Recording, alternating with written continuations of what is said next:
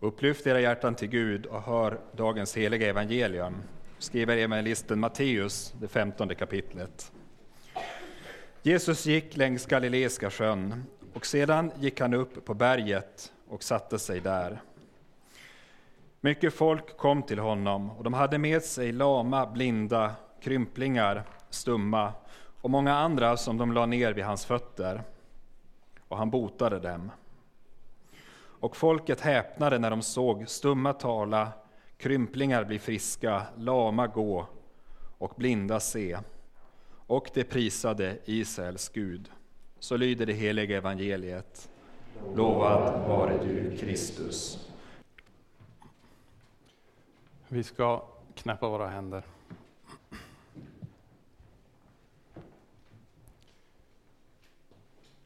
Kära Herre, tack för att vi får samlas än en gång här på Fridhem.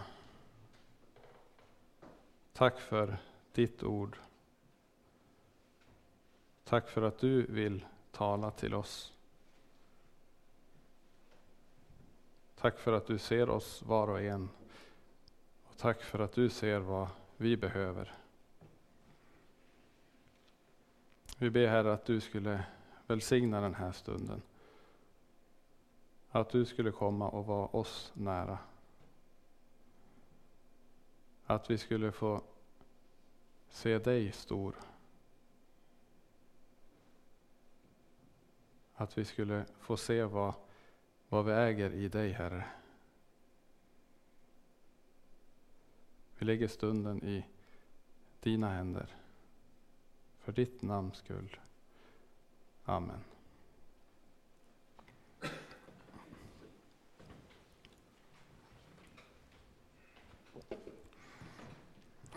Vi firar idag tacksägelsedagen. Temat är lovsång.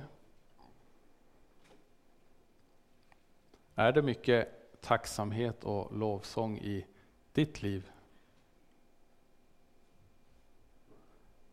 För ett år sedan så predikade jag också här på Fridhem på tacksägelsedagen. Eh, då stod jag inte här framme utan jag stod där och så ni som var här, ni satt på glesa rader långt bak i, i matsalen. Eh, jag kommer inte ihåg om det var 50-regeln, om det var 100-regeln som, som gällde då. Eh, och ett knappt år tidigare, då var det åtta regel. Och så vet jag inte hur det, hur det är med dig, men jag, jag kommer ihåg att jag själv kände en glädje och tacksamhet när vi kunde samlas som vanligt igen. När vi slapp restriktioner och vi kunde, kunde träffas alla. Men så kan man tänka efter och fundera, hur är det nu? Känner jag samma glädje idag som jag gjorde för, för ett år sedan? Ehm. Och ska jag vara ärlig så, så märker jag att tacksamheten är någonting som, som avtar.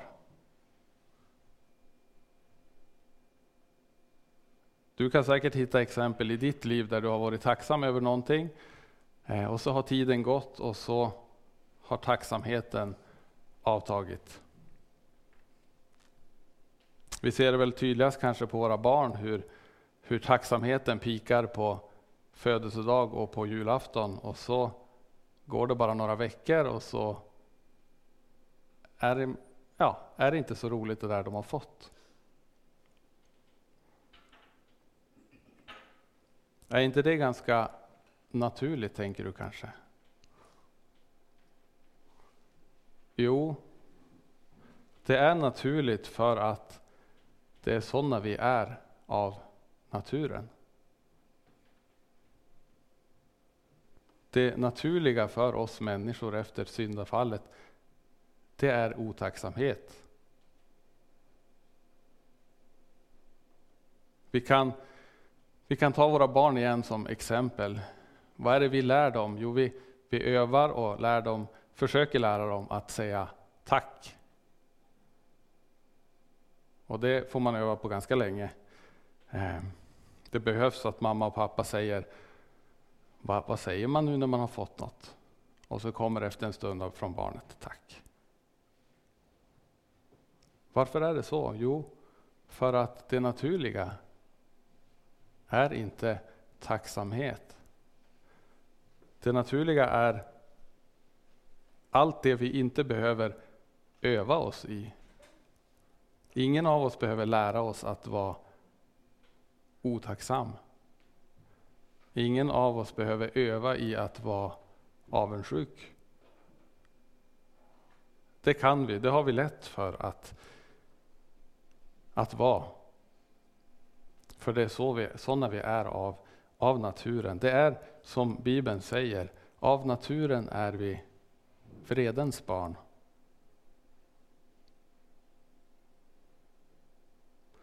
Men så har vi en Gud som är god mot de otacksamma och onda. Det är Jesus som säger det i Lukas 6. Gud som är god mot de otacksamma och onda. Det är inte så att han har slutat att vara helig, att han har slutat att hata synden. Nej, Gud är god mot dem otacksamma och onda på grund av blodet.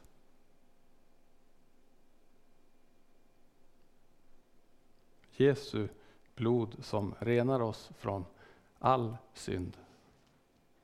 Också från din och min otacksamhet.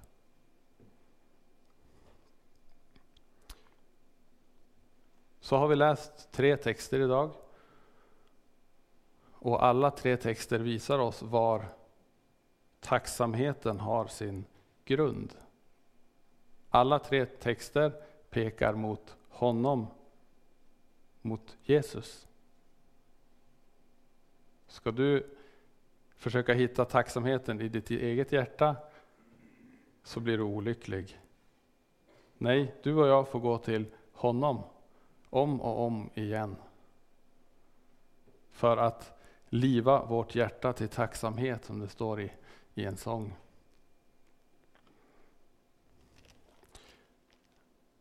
Vilka tre texter var det vi läste? Vi läste från, från första krönikeboken.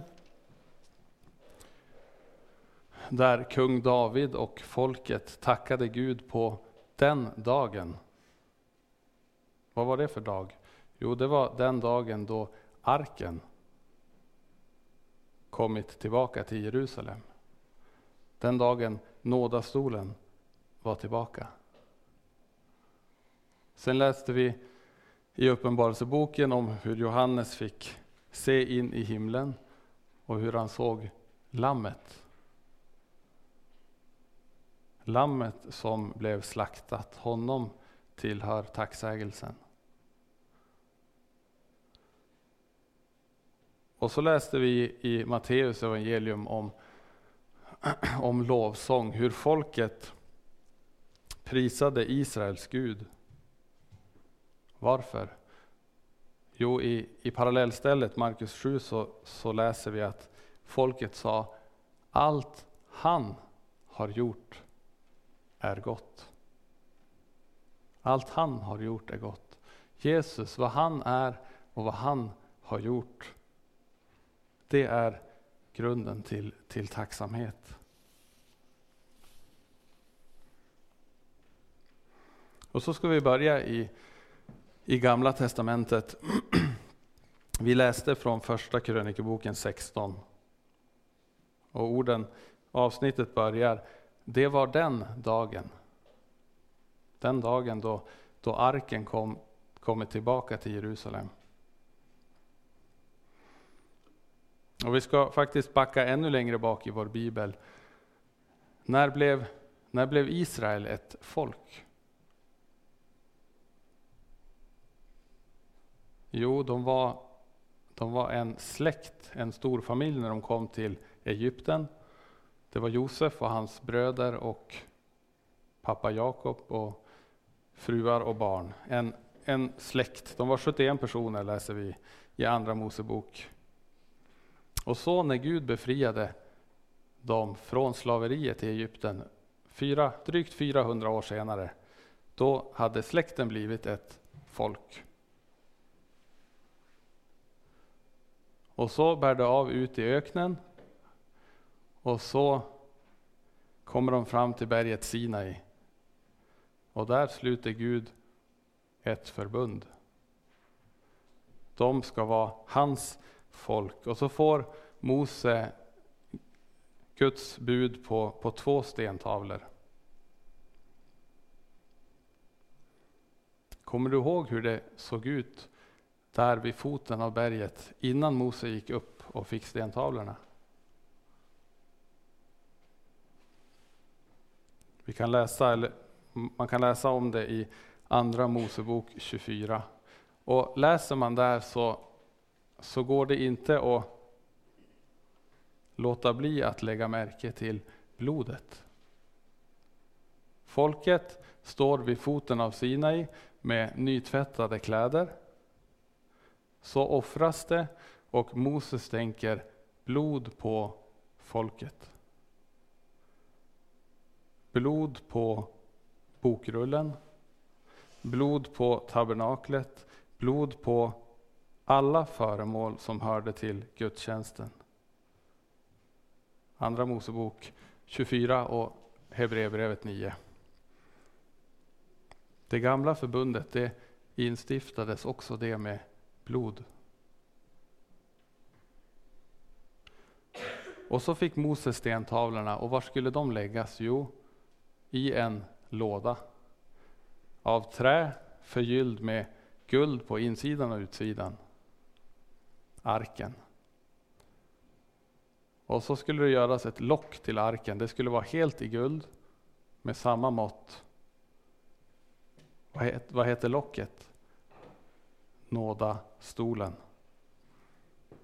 Ordagrant försoningsställe. Och vad skulle göras där på försoningsstället? Jo, varje år skulle översteprästen stänka blod på nådastolen. Och så överskylde offerblodet lagtavlorna. Gud han såg inte tavlorna med de överträdda buden utan han såg blodet på nådastolen. Och så var det i gamla förbundet en sak mellan översteprästen och Gud. Folket, de, de fick inte komma in. De stod utanför templet. De såg ingenting. De fick lita på att översteprästen gjorde sitt när han gick in i det allra heligaste med blodet. Vilka förebilder vi har till, till det nya förbundet. Hur vi har Jesu blod som övertäcker all synd. Hur vi har i Jesus en överste präst som en gång för alla gick in i det allra heligaste. Vann en evig återlösning med sitt blod. Och lika lite som Israels folk hade någonting att tillföra Lika lite har du och jag någonting att tillföra när det kommer till vår frälsning. Det är en sak mellan översteprästen, Jesus och Gud.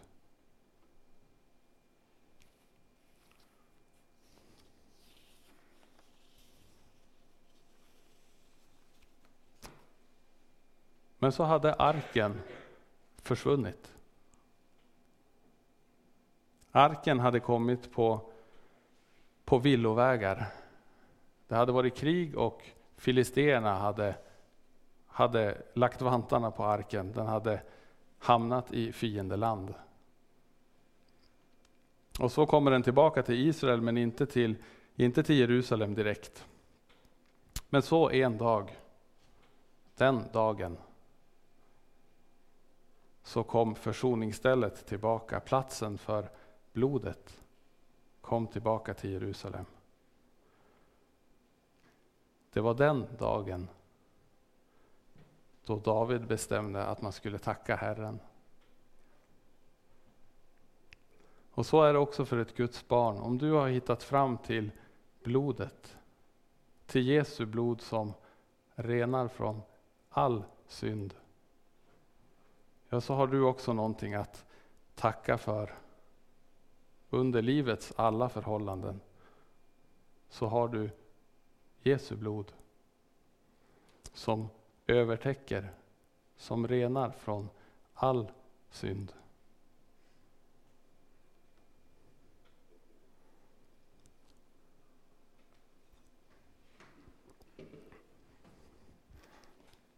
Och så läser vi här i Första krönikboken 16. Det var den dagen som David bestämde att man skulle tacka Herren på detta sätt. Kolon. Tacka Herren, åkalla hans namn, gör hans gärningar kända bland folken. Sjung till hans ära, lovprisa honom, tala om alla hans under. Beröm er av hans heliga namn. De som söker Herren må glädja sig av hjärtat. Fråga efter Herren och hans makt. Sök alltid hans ansikte. Tänk på de under han har gjort. På hans tecken och hans domslut.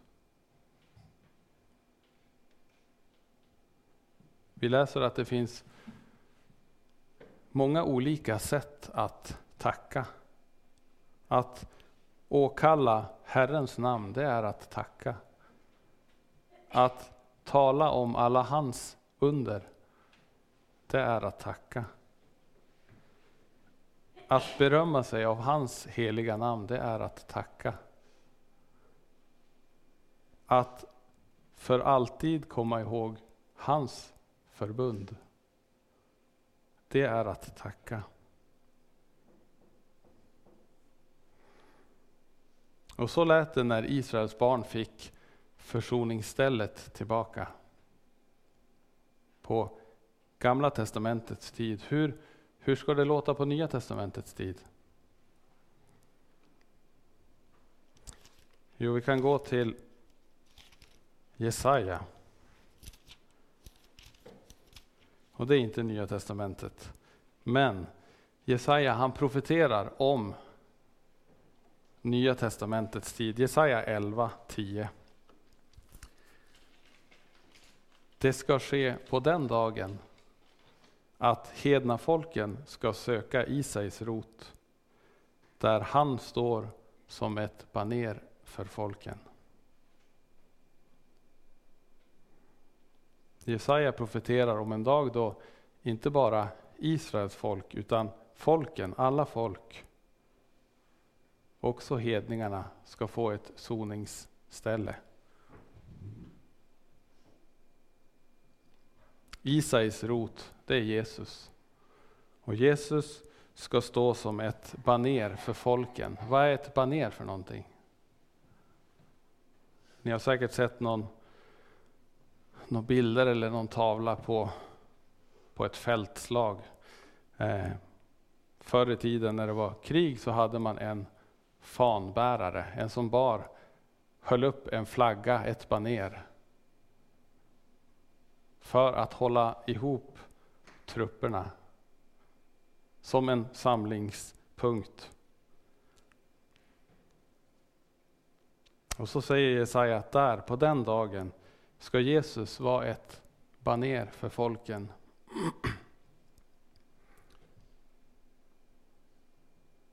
Och så står det i Romarbrevet 3.25. Honom har Gud genom hans blod ställt fram som en nådastol. Som ett soningsställe för folken, för alla folk.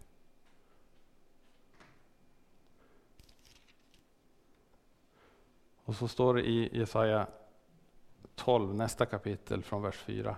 På den dagen ska ni säga, tacka Herren, åkalla hans namn, gör hans gärningar kända bland folken. Förkunna att hans namn är upphöjt. Lovsjung Herren, ty han har gjort härliga ting. Låt detta bli känt över hela jorden. Märker ni att det låter samma? Det låter samma på Davids dag när, när soningsstället hade kommit tillbaka, arken till Israel. Som det låter på hedningarnas dag. När hedningarna får ett baner, lammets baner att samlas kring.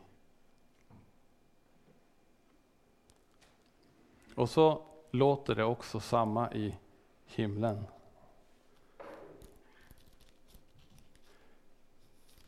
Sången till Lammet. Uppenbarelseboken 15. Stora och underbara är dina gärningar. Och så läste vi från kapitel 5. Du har blivit slaktad och med ditt blod har du åt Gud köpt människor av alla stammar och språk, folk och folkslag. Lammet som blev slaktat. Honom tillhör tacksägelsen och priset.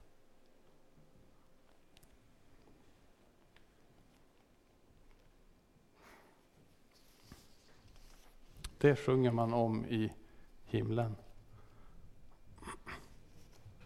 Och den sången får vi börja att sjunga här på jorden. Sången om Lammet. Om Lammet som är slaktat och åt Gud mig köpt med blod och vunnit sig en brud. Och när min synd blir mäktig i mig än, jag flyr till nådastolen, till min vän. Ty har jag synd, jag mycken hemlig brist, så gäller blodet mera, det är visst. Och synes vägen ofta svår och lång, jag sjunger redan nu på himlens sång, om Lammets blod och om hans dyra sår. Med denna sång jag sist i döden går.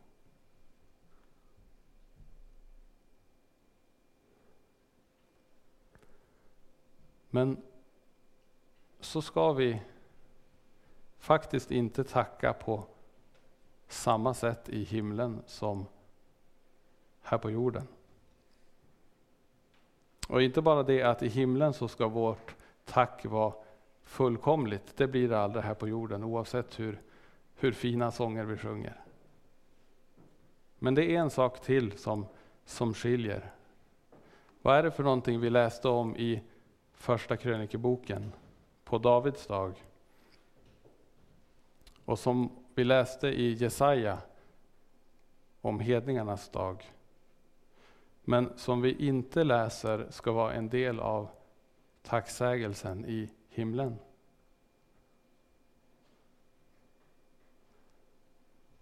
Jo, det stod Tacka Herren och kalla hans namn. Gör hans gärningar kända bland folken. Gör hans gärningar kända bland folken. Som ett tack till Lammet får vi här på jorden gå ut och tala om vad han har gjort. Göra hans gärningar kända bland folken. Vi som vet om ett soningsställe. Vi som vet om en plats där syndernas förlåtelse finns. Vi får som ett tack till Lammet berätta för alla de som inte vet.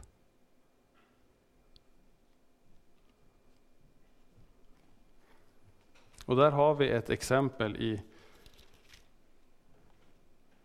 i dagens evangelietext, Matteus 15. Det stod att att Jesus var avsides. Han var i ödemarken. Han var inte lätt att hitta. för den som inte visste var han var. Men vi läste också om att det var folk, faktiskt mycket folk, som visste var Jesus var. Mycket folk kom till honom. Och de hade med sig lama, blinda, krymplingar, stumma och många andra som de la ner vid hans fötter. Och han botade dem. Som de la ner vid hans fötter.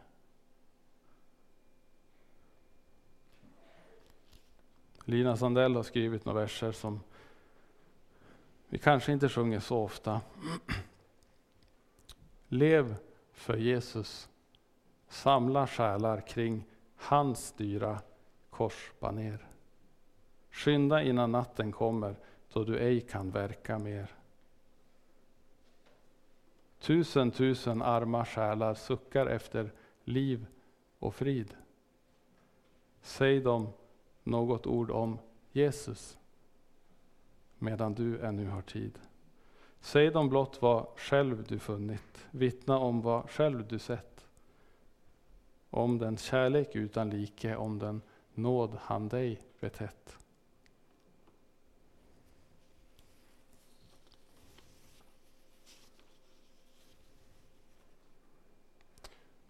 Och så tänker du kanske att, att du skulle ha varit så mycket bättre på att tala om Jesus. Att tala om vad han har gjort för dina nära och kära. Det är ofta så tyst från din mun. Det är ofta det blir så lite sagt.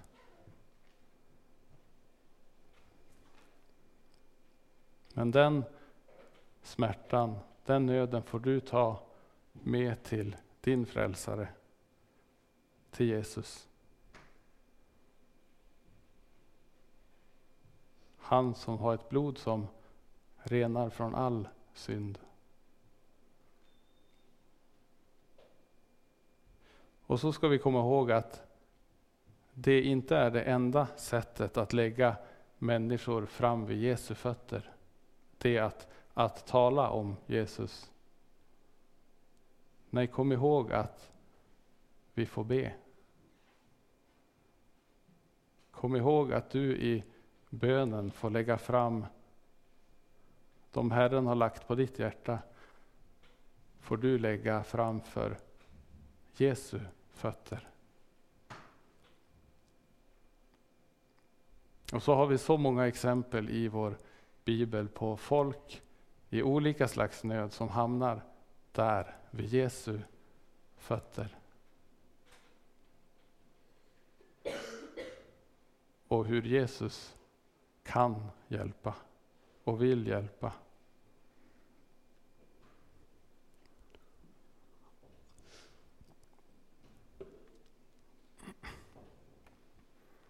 Den händelsen som vi läste om i Matteus 15. Där hjälpte Jesus alla. Och folket häpnade och de prisade Israels Gud.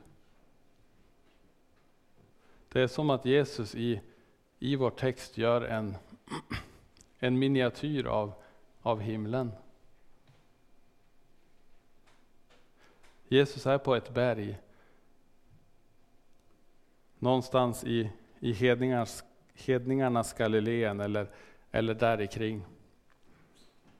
Han är på berget och han är i centrum. Och så läste vi i Uppenbarelseboken om lammet på Sions berg. Och här är det lama, blinda, krymplingar, stumma och många andra som inte har hittat fram till, till Jesu fötter av egen kraft. Alla märkta av syndafallet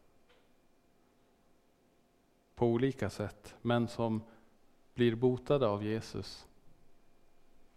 Och därför prisar Israels Gud. Och så är det i, också i himlen. Hjälplösa syndare som hittat fram till Jesu fötter. Som blivit botade. Som tvättat sina kläder i Lammets blod.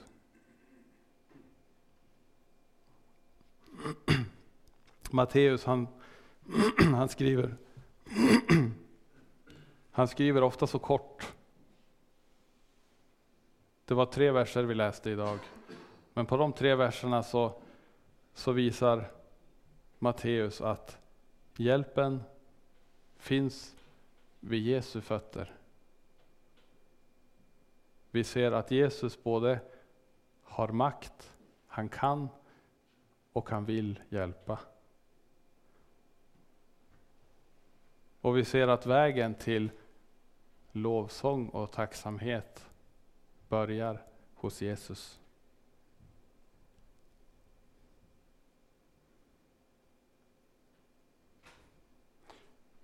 Och så vill jag till slut dela några, några rader som jag läste här för ett par dagar sedan. Det är Axel B Svensson som skriver och han skriver om ransoneringskort. Och då tänkte jag, undrar när han skrev det här? Och då såg jag att årtalet var 1918. Slutet på första världskriget. Då var det ransonering i Sverige på, på livsmedel, på bröd och kaffe bland annat. Och man kan dra paralleller till, till dagens Europa där vi också har krig. Vi har inte ransonering, men vi, har, vi läser varje dag att, att allt blir dyrare. Mat och, och el och drivmedel. Men så skriver Axel B.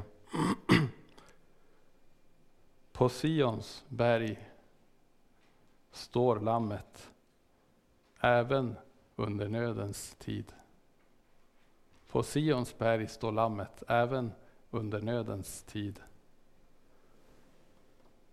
Du suckande Guds barn, lyft blicken upp och skåda lammet på Sions berg. Och minns att lika ren och skinande helig som den frälsta skaran står där uppe.